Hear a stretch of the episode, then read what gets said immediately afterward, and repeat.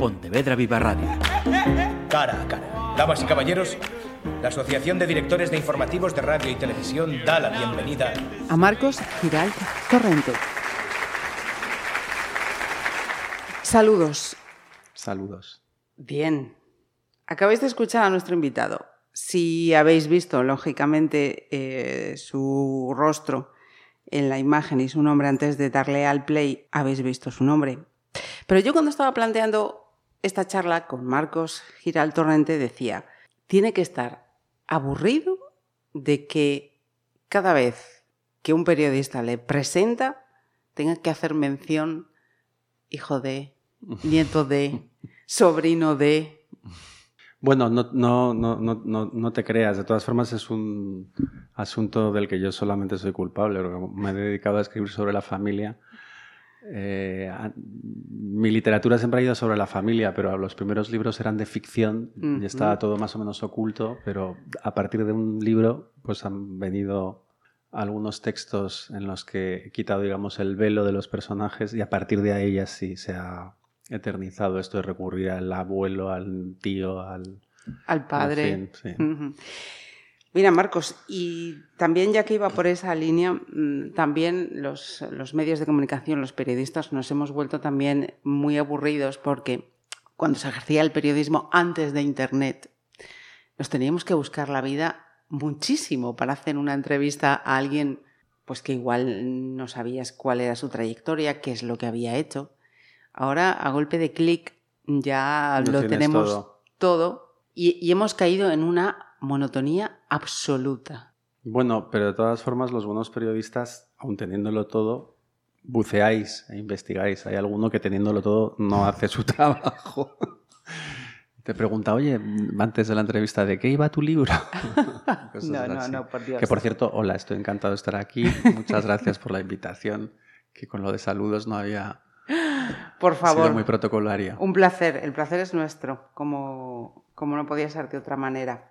Ya, ya que hablaba de, Internet, que además también, claro, las editoriales, pues enseguida te dan esos magníficos dosieres y ya te dicen de lo que va, de lo que no va, lo que hay, lo que no, lo que no hay. ¿Tú usas, abusas mm, lo justo y necesario todo esto de las nuevas tecnologías, Internet y estas cosas? Yo Internet lo uso mucho, lo que no tengo son redes sociales. No, pero no por prejuicio ni porque esté en contra. Me parece muy bien que, la gente las use. Yo es que no, la vida no me da para más como para gestionar además una cuenta de Instagram o una cuenta de Twitter o no. O sea, no, es simple incapacidad. El último título de Marcos Giraldorrente es eh, Algún día seré recuerdo. Es eh, una miscelánea ¿no? de textos que ya habías eh, escrito y a los que has ido, digamos que mm, poniendo un hilván, ¿no? Juntándolos eh, a todos.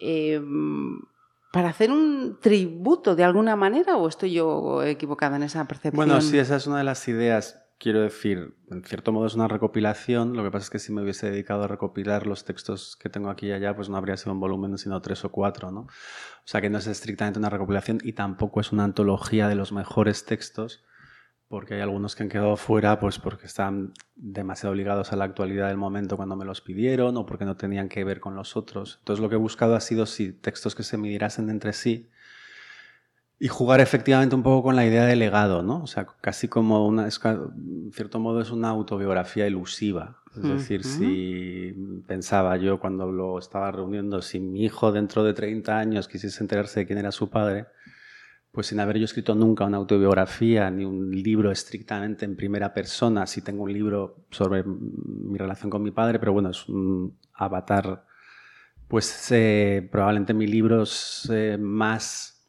útil para esa posibilidad de, que mi hijo se encontrara con, con, su padre, pues sería este, ¿no? en el sentido de que reúne un poco los intereses que me han que han ido formando parte de mi vida. ¿no? Hay textos sobre arte, hay textos sobre literatura, hay textos sobre la familia, más o menos autobiográficos, y, es, y todos están efectivamente, me encanta lo del Ilván, que nadie lo había, lo había mencionado, pero es eso, ¿no? O sea, hay unos Ilvanes muy tenues, pero que están ahí, algunos juegos de espejos, eh, personajes que aparecen en unos y que reaparecen en otros y luego reflexiones comunes sobre, sobre el arte, la función del arte y sobre la vida. ¿no? ¿Cuántos años tiene tu hijo? 14. 14. Mira, con, ese título, algún día se de, mm, recuerdo, yo pensaba en, otra máxima que igual va un poquito más, mm, más allá, ¿no? Algún día se de recuerdo te induce como, como decías, ¿no? Si el día que no esté aquí, mm, que lo que recuerden sepa este, este caminito, ¿no? Le dejo aquí este caminito. Pero también había otra frase que me vino a mí a la memoria que decía que, que nadie se muere definitivamente mientras haya alguien que lo, que lo recuerde, ¿no? Sí, efectivamente. Yo la verdad es que el título del libro es porque hay un texto en el libro que tiene ese título y de los diferentes títulos del texto pues me parecía que era como el más poético, evocador o más literario, como quieras. Es un texto muy concreto en el que cuento una aventura. Cuando mi hijo tenía como cuatro o cinco años, pues vino una vez que había acontecido el parque infantil a donde iba porque unos niños mayores le habían mojado con una pistola de agua. Y él, era la primera agresión que sufría en su vida y entonces al día siguiente fui yo a recogerlo a la guardería con un Kalashnikov de agua y fuimos y buscamos a los niños y entonces eh, eh, fui completamente abusador porque dejé que mi hijo, con el amparo de su padre que estaba al lado, se vengara de los... Y entonces yo volví muy ufano pensando que le había dado una lección importante que era cómo ser valiente, o sea, cómo que había que afrontarlos. Y esa misma ese mismo día, después había una fiesta literaria en Madrid porque era la feria del libro y la editorial Random House había montado una fiesta en un bar que, el que se llama El Teatriz. Y entonces sufrí una agresión absurda de un tipo que está empeñado en que le había manchado la en los bares, pues te chocas con la gente. Yo iba con dos copas y me choqué con uno. La culpa era tanto de él como mía, del mogollón de gente, y se derramó un poquito de copa en la manga de este señor que empezó inmediatamente a pedirme que le diera 20 euros para el tinte. Y entonces yo al principio me lo, tomé a broma, pero no era un loco y acabó incluso dando un manotazo a las copas, salieron volando y yo en un momento determinado pensé, era un tipo bastante más bajo que yo, que si hubiese habido un árbitro y nos hubiésemos enfrentado en un ring, le habría machacado, pero la vida no la es un circunstancia era otra. Total, que acabé dándole los 20 euros el mismo día que había intentado enseñar a mi hijo a ser valiente, yo fui un, cobarde. Pero bueno, o no la idea es claro o no. O sea, al final yo creo que permitirte ser cobarde es una valentía. Y que al final yo lo que pensaba es, mira, no me voy a arriesgar yo a que este tipo de pronto saque una navaja y me acuchille, tengo un hijo, tengo unas responsabilidades que son 20 euros, pues mira, aquí los tienes y vete a freír espárragos, ¿no? Pero bueno, el texto empieza con una reflexión efectivamente que los padres eh, muchas veces nos vemos en, la tesitura de que fabricamos recuerdos para nuestros hijos, ¿no? o sea, recuerdos que les sean útiles en el futuro como para decodificar la vida y como para sacar enseñanzas morales y demás. ¿no? Y que en realidad la educación a un niño consiste en eso, en proporcionarle esas píldoras de recuerdo. Bueno, nada, te estaba explicando el porqué del título. Sí, sí, me, parece, me parece eh, genial porque además lo iba a hilar y has hecho ahí casi una, una mención Leyendo una reciente entrevista que te había hecho otro pontevedrés, Javois, en el país, me quedé con el titular que puso, los hijos tienen que saber decodificar cómo son sus padres. Me puse a pensar y dije, eh, caray, si se hace, es un ejercicio, creo que de, de, madurez, de mucha madurez, o en un momento de mucha madurez por parte de, de los hijos, y quizá muchas veces tarde. No, siempre tarde. Muchas veces no, siempre tarde. O sea, porque, bueno, esa, esa, pregunta de Javois viene por una frase que no me acuerdo ahora en qué libro mío está, que es algo así como los hijos venimos, llegamos tarde a la vida de nuestros padres. O sea, en el que es tarde. Da igual que lo hayas tenido a los 20 años o que lo hayas tenido a los 40. Quiero decir, básicamente es que cuando tú irrumpes en la vida de tus padres e irrumpes con, no cuando eres bebé que no te enteras de nada, sino años después cuando empiezas a tener una conciencia, o sea, no te das cuenta de que tus padres han tenido toda una vida anterior. O sea, y que puede que estén entregados a ti, que lo hagan mal, muy probablemente, porque todos los padres lo hagamos mal, pero que en cualquier caso son unos seres eh, que van más allá de esos seres que como hijo conoces, que son tus padres y que están obligados a atenderte que además del padre hay un hombre, hay un etcétera. Entonces en lo de descodificar también es porque evidentemente crecer y crecer al lado de unos padres, pues hay multitud de fallos siempre, o sea, todo es completamente humano, ¿no? Pero llega un momento en que sobre esa ira o sobre esa queja o sobre esa eh, insatisfacción que tus padres muy generalmente te, te, te, producen porque te das cuenta que no son esos héroes que pensabas que eran cuando tenías tres años, que tienen sus pequeñas pues lo que al final se trata es de que entiendas que ellos también fueron hijos algún día, que tuvieron sus mismas insatisfacciones. Ese camino ya lo hicieron antes que tú. Sí, exacto. básicamente es eso, codificar, es darse cuenta de que, bueno, que son tus padres, que no son dioses, que cometieron el error o el acierto de tenerte y que probablemente eran demasiado inmaduros o demasiado jóvenes cuando lo hicieron, porque no hay una edad ideal para ser padre.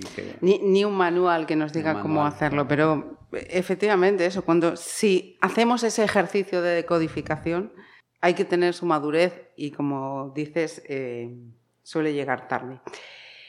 Eh, hablando de padres, de hijos, de abuelos, ah, también hablaba con con Laura Ferrero sobre la familia, porque ella también ha escrito mucho sobre la familia de mm. forma más o menos ficcionada, no tan real como, como lo has hecho tú, tan fidedignamente. Mm, y yo le decía que mm, me parece que la vuestra es una escritura mucho más valiente, en el sentido de que eh, un escritor pues, puede inventar una historia estupenda que se convierta en un bestseller, pero utilizar tus sentimientos, utilizar tu mochila vital mm, para plasmarla en, un papel y que luego cualquiera pueda leerlo, me parece un ejercicio muy, muy valiente. No sé si vosotros...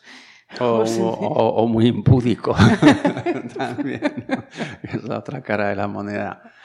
Sí, supongo que sí, pero al final también o sea, yo cuando el primer, mis primeros libros, como antes te decía, eran ficción, ficción, y a partir de un, en un momento determinado escribí un libro que estaba muy ligado a mi, a mi devenir, que fue eh, sobre mi relación con mi padre. Y que ese paso, o sea, cuando no había frecuentado nunca la escritura no ficcional, pasar de la ficción a eso, pues sí supuso, eh, me costó. O sea, me costó porque, bueno, pues tienes que asumir una serie de, de, de, reglas, digamos, ¿no? O sea, cuando inventas, cuando estás en el territorio de la ficción, no debes... Todo, todo vale. nada, todo vale, ¿no? Cuando estás escribiendo sobre la realidad estricta, pues eh, desde cómo tratas a los personajes, o sea, porque de pronto, claro, estás utilizando gentes que tienen una vida propia. Que hables de un muerto, como era mi caso con mi padre, todavía es tolerable, pero estaba hablando también de los vivos que nos rodeaban. Entonces todo eso te puede te puede poner ante, ante una serie de problemas que según cómo lo resuelvas, pues eh, lo puedes llevar mal. Mm. Fue más complicado, sin duda. Sí, pero una, pero una vez que, o sea, yo me, o sea, básicamente en ese libro lo que, lo que al final decidí es que iba a desnudar a mi padre, iba a hablar de nuestros conflictos, pero que eh, desnudar a mi padre y hablar de nuestros conflictos me obligaba a desnudarme también a mí, porque si no, no hubiese sido, digamos... El resultado hubiera sido, claro. Y, a partir de ese momento perdí la vergüenza. Eh, una vez que asumí que iba a ser un striptease conjunto, perdí la vergüenza porque también al final me di cuenta que dices, bueno, nos pasamos la vida como intentando proteger nuestra privacidad y pensando que... Y al final no es tan importante porque ¿qué tenemos? Pequeños pecaditos.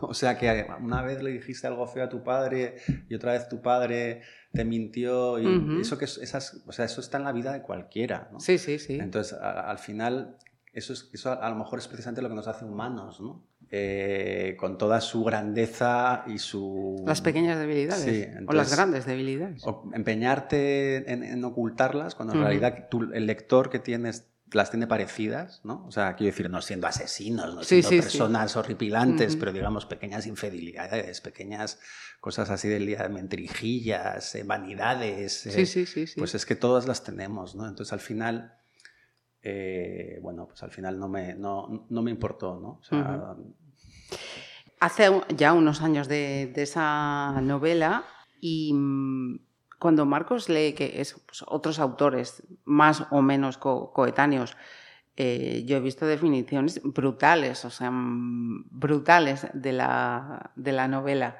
¿Cómo, ¿Cómo te hace sentir? ¿Dices de tiempo de vida? Sí, sí, sí. Fue una novela muy mm, que me ha dado mucho, ¿no? Muy, muy feliz. En el primero, por el lugar del que sale, ¿no? O sea, era un libro probablemente de los que he escrito el que siento todavía como más necesario, ¿no? A pesar de que lo escribí, no, porque muchas veces la gente piensa que ese tipo de libros están ligados a una experiencia, y más si son un libro de duelo, como era el caso, a partir de la muerte de, un padre o de una madre, pues se tiende a pensar que es como una especie de, escritura mm, terapéutica, depurativa, ¿no? en que la, enfrentas para, para sanarte ¿no? y para eliminar el dolor.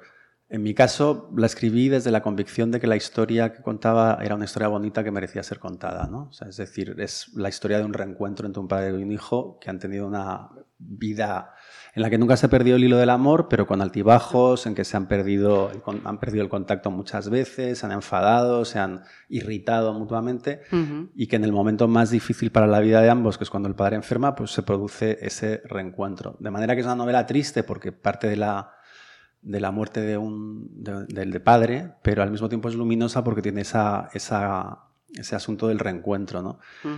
y, y, luego es una novela que tuvo muchos lectores, que mm, me trajo premios, que me trajo reconocimiento, de manera que yo no puedo estar más, más feliz con ese libro.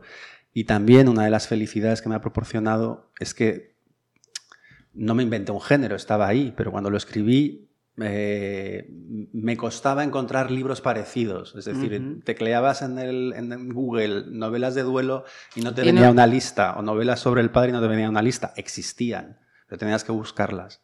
Y después de esa novela, como que de pronto ahora tecleas en Google novelas de, duelo o novelas sobre el padre y ya te viene la lista. O sea que de alguna forma sí ha sido una novela influyente y eso siempre es satisfactorio y bonito para un escritor. ¿no? Sin duda. Em, he visto y quería preguntarte exactamente eh, por esto, porque no todos tenemos por qué, por qué saberlo, al menos no todo el mundo que nos está escuchando sabrá. ¿Qué es esto de un escritor residente? ¿Qué hace un escritor residente? Tú que además has estado en instituciones, he visto, eh, cuidado que no son cualquier cosa. Bueno, eso es algo que ha llegado a España hace poco, que antes no había prácticamente lugares. Eh, y que se ha popularizado por fortuna entre los jóvenes escritores en mi generación. Era más raro esto que un... Bueno, son instituciones que pueden ser públicas y privadas y pueden funcionar de muy diversas maneras, pero que básicamente escriben, invitan a un escritor para que resida en ese lugar durante un tiempo y le regalan tiempo. En algunas te pagan un sueldo para que además no tengas como que seguir produciendo dinero para enviar a casa y pagar el alquiler y demás y en otras simplemente te proporcionan el lugar y la, y la comida. En algunas estás tú solo y en otras tienes, tienes compañía. ¿no? Y yo lo hice bastante antes de ser padre y después de ser padre estuve unos años en que no y ahora he vuelto a alguna de ellas y es, es, una experiencia maravillosa en general eh, porque los escritores siempre andamos, los artistas en general, necesitados de tiempo, ¿no? Eh, sobre todo tiempo que robar a la manutención, o sea, porque necesitamos también pagar las cuentas y todo eso, y pagar las cuentas y demás, pues te... Tenéis ese defecto. Sí, te, obliga a tener otros trabajos o a producir más periodismo, lo que sea, para que a veces te dejas sin fuerzas y sin tiempo para hacer tu propia obra, ¿no? Entonces que llegue alguien y te diga, oye, te invito un mes a este sitio, porque además suelen estar en sitios especiales, ¿no? Y para que puedas escribir, pues es... es Te agradecer. Y mm, no sé cuál de las dos preguntas a, hacerte antes. Sí, un autor que mm, ha sido traducido a tantas lenguas que vende como vendes tú, ¿a quién lee? No te creas que primero no he sido tan traducido a tantas lenguas, ojalá. He, visto unas cuantas, ¿eh? Sí, no, no me puedo quejar, he sido traducido al francés, al inglés, al He vuelto a dejarme engañar por internet. No, no, no, ah. pero que vamos, que uno no deja de a veces, quiero decir, tenemos nuestro pequeño corazoncito y yo a veces veo que otros compañeros míos de generación han sido más traducidos y digo, ah, me sale la... Tengo pelusilla, es, inevitable. Entonces uno no sabe si culpar a tu agente literario, a tu editor, a ti mismo, que no suscitas el interés de los... Digamos que sí, tengo la fortuna de haber sido traducido, pero no tanto como otro. Vale, vale, vale.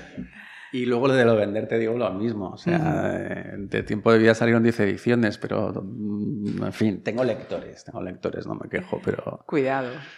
¿A quién leo? Pues últimamente leo mucho menos, últimamente, en los últimos 14 años, desde que nació mi hijo, leo mucho menos de lo que debería. ¿no? Entonces, eh, antes, por ejemplo, estaba muy al día eh, de la literatura, por además de, de, leer esos libros que siempre has querido leer y que vas leyendo poco a poco, grandes clásicos, grandes, de grandes autores, procura estar muy al día de la literatura contemporánea, en especial eh, española. Eh, y ahora, como tengo mucho menos tiempo de lectura, pues algo hay que sacrificar y entonces estoy menos al día de la cosa que me acompleja muy a menudo porque hay cosas como de las que habla la gente que, que, no he leído y que voy siempre un poco como por detrás, ¿no? Como llegando tarde, ¿no? Ajá. Pero si tuviese que elegir, desde luego, o sea, yo creo que a la, a la literatura como escritor llegas habiendo sido antes lector, ¿no? Entonces, para Sin mí, duda. la experiencia literaria fundamental para mí, la que me cambió la vida y la que me sigue importando más es la de la lectura. O sea, que si tuviese que elegir, elegiría indudablemente seguir leyendo, pero antes que escribir, que a veces me parece un tormento. Eh, pero no puedo leer, desgraciadamente, tanto como quisiera. ¿Habéis visto cómo se sabe mm, quedar? Ha dado una respuesta perfecta, sin citar a nadie, sin dejar a nadie atrás. y, em, y un escritor, ¿a quién recomienda que lea a su hijo? Y más en un plena adolescencia. Sí, es, es terrible, la verdad. Sí, es muy difícil. Eh, con, mi, hijo es una lucha constante lo de intentar que lea porque es que no lo hace. O sea, sí lo hace, pero o sea, nunca... De forma voluntaria que no sea un libro que lee... Por sí solo. O sea, si yo le impongo, oye, ahora en verano, o sea, le he impuesto que tiene que leer todos los días una hora. Eh, pero siempre es, y luego lee esa hora y cuando está leyendo esa hora mm, está contento y luego se queda satisfecho pero léela ahora estrictamente que yo le mando. marcas, si no, no sale. No lee una hora y cinco minutos. y si algún día me olvido, no va y, y coge el libro. O sea que es, muy complicado. ¿Y qué libros? Eh? Mira, yo lo he intentado todo. O sea, yo desde los clásicos de la Isla del Tesoro, no sé qué tal, hasta él va a un colegio italiano y pues eh, cuando tuve más éxito es que le di a leer la trilogía de, mm, de nuestros antepasados Italo Calvino, leyó el, el Caballero Invisible, El Vizconde de Mediado y El Barón Rampante, y eso lo hizo, pero hace ya dos años. Eh, sí, no, no, no, no, sé, luego lo he intentado también con literatura estrictamente juvenil y, bueno, obedece, pero no, prende la llama. Noto que hay un desapego ahí. Cuando son pequeños se enganchan, lo mm. cogen, pero hay un momento ahí de desconexión mm. que, De todas formas, yo también, yo mismo fui un lector tardío, quizá por haber nacido en una casa donde había libros y, demás. Yo creo que mi madre llegó a estar preocupada y de hecho me perseguía por, por casa leyéndome La Isla del Tesoro y cosas así. Y empecé a aficionarme a la lectura más o menos a la edad de mi hijo hoy en día y tengo un déficit de literatura juvenil precisamente porque empecé ya a leer cosas Adultos. De adultos, ¿no? Pues empecé a leer a Kafka, a Borges, a cosas así, pero todo lo que debería haber leído antes lo tengo... Pendiente, en el baúl de pendientes. Me, estoy viendo a Marcos y a, su hijo, los dos leyendo aquellos libros de juventud. Pero hoy, es mucho más difícil, claro, porque las nuevas generaciones tienen una cantidad de tentaciones a su alrededor que yo no tenía. Sin duda alguna. Y ahora sí, ahora voy con Pontevedra porque tenemos a Marcos aquí, pues porque ha participado en la Festa Dos Libros. ¿Cuándo fue la primera vez que visitaste Pontevedra? Pues eh, ni me acuerdo. Mi abuela era mi abuela materna, era nació en Bueu y estudió en Pontevedra. Eh, estudió primero el, bachillerato en Pontevedra y luego hizo magisterio también. Ah, y, y, luego, muchos años después, mi abuelo materno Torrente Ballester vivió en Pontevedra durante una época. De manera que Pontevedra para mí ha estado siempre, siempre ahí. Quiero decir que tanto es así que ni siquiera recuerdo la primera vez. Lo que sí te puedo decir es que llevaba como 8 o 10 años sin volver. ¿Hasta ahora? Hasta ahora, sí. Pero desde mi más tierna infancia he venido pues casi todos los veranos. Mi, mi abuelo tenía una casa en, en Vigo, en la Ramallosa, y, y siempre pasábamos por Pontevedra porque mi madre además tiene especial cariño a, Pontevedra por, por, su madre y por su infancia y, y, todo eso, pero somos gallegos pero de, de, muchos, o sea, mi madre nació en Ferrol, mi abuelo nació en Ferrol, mi, mi, abuela en Boeu y ahora nosotros tenemos casa en Corcubión, al lado de Fisterra. Es que hace nada, 15 días estaba hablando con un profesor traductor Ángel Pujante, y me recordaba a tu abuelo, decía que había sido amigo suyo, que había estado con ellos, pues citaba la, la Ramayosa y, demás, y le dije, pues creo, creo que en unos días mm, voy a charlar con uno de, de sus nietos. Eh, no quería terminar sin eh, esa ya, pero pregunta. ya vas que al a terminar. Ah, yo sí, sigo, vamos. Si tienes tiempo, llamamos a la fiesta de los libros, decimos, mira, paramos, que Marcos va, va a seguir, o invitamos al público que venga aquí, que también podría Se ser me está haciendo corta. interesante. Me alegro, infinitamente. Eh, tenía pendiente después de esa presentación que hacía de tienes que estar aburrido y tal, y estaba mientras, y he dicho, "Mm, al final se me quedó pendiente. ¿Cómo te gustaría que te presentasen? Eh, realmente me da un poco igual. Me, me gustaría que me presentasen con, con afecto y desde ese afecto que pueden hacer de cualquier lugar, pues que me presente cada uno como quiere. Si quieren como nieto de Torrenta de Ester o como marciano o como escritor medio madrileño, medio gallego o cualquiera de las dos cosas solo, no sé, me, me- me da un poco igual, pero, pero con cierto afecto, ¿no? ¿Qué tal llevas, por cierto? Perdona, pensaba terminar con eso, pero ¿cómo llevas lo del contacto con, que también le preguntaba a Laura, lo del contacto con tus eh, lectores en citas pues como, como estas que, que te, han te han traído a Pontevedra esta vez? A mí, a mí me gusta mucho, yo creo que es algo bastante general, salvo uh, a algún escritor raro, pero en general a los escritores es maravilloso, ¿no? Que nos den la oportunidad de conocer a nuestros lectores. Primero porque el trabajo de- del escritor es muy solitario, o sea, te pasas horas y horas y Es horas es tú el solo blanco y el ahí negro. con el trajín mental y con un montón de inseguridades que de pronto estás emocionado porque te parece estupendo lo que estás haciendo y media hora después estás hundido porque es una Que aquello no arranca. Y de pronto terminar un libro, que crean en ti, un editor lo publique, que salga a la calle, que se lea, es fantástico. Y ya encima que te venga gente o que lo ha leído o que quiere leerlo, pues es, es un privilegio, es maravilloso. O sea, realmente es, es una experiencia. Y luego hay algo bastante bonito que a mí me gusta de la literatura, que después de todo ese trabajo que has hecho en soledad y que nace desde un lugar muy propio, escribas o no escribas ficción, da igual. Siempre es la literatura, la escritura nace de un lugar muy propio, ¿no? Y que de pronto ese lugar tan propio se convierta en una experiencia compartible es magia, ¿no? Y luego los lectores muy a menudo, por cómo te hablan de tus libros y lo que te cuentan, pues muy a menudo enriquecen, o sea, te, te- o sea, te, te van cuentan cosas que- en las que tú no habías pensado, o sea, de una manera voluntaria, pero que de pronto, con esos comentarios, descubres que efectivamente que están ahí, ¿no? Sí, sí, sí. sí. Entonces es un diálogo muy enriquecedor también para... sea, no solamente se trata de que tu vanidad te venga a la gente y entonces te quedes... Sí, es no, como me ha sino que es, enri- enriquecedor. sí, o sea, realmente es enriquecedor porque te, te dan muy a menudo puntos de vista sobre tu obra que, que no habías visto. Mm.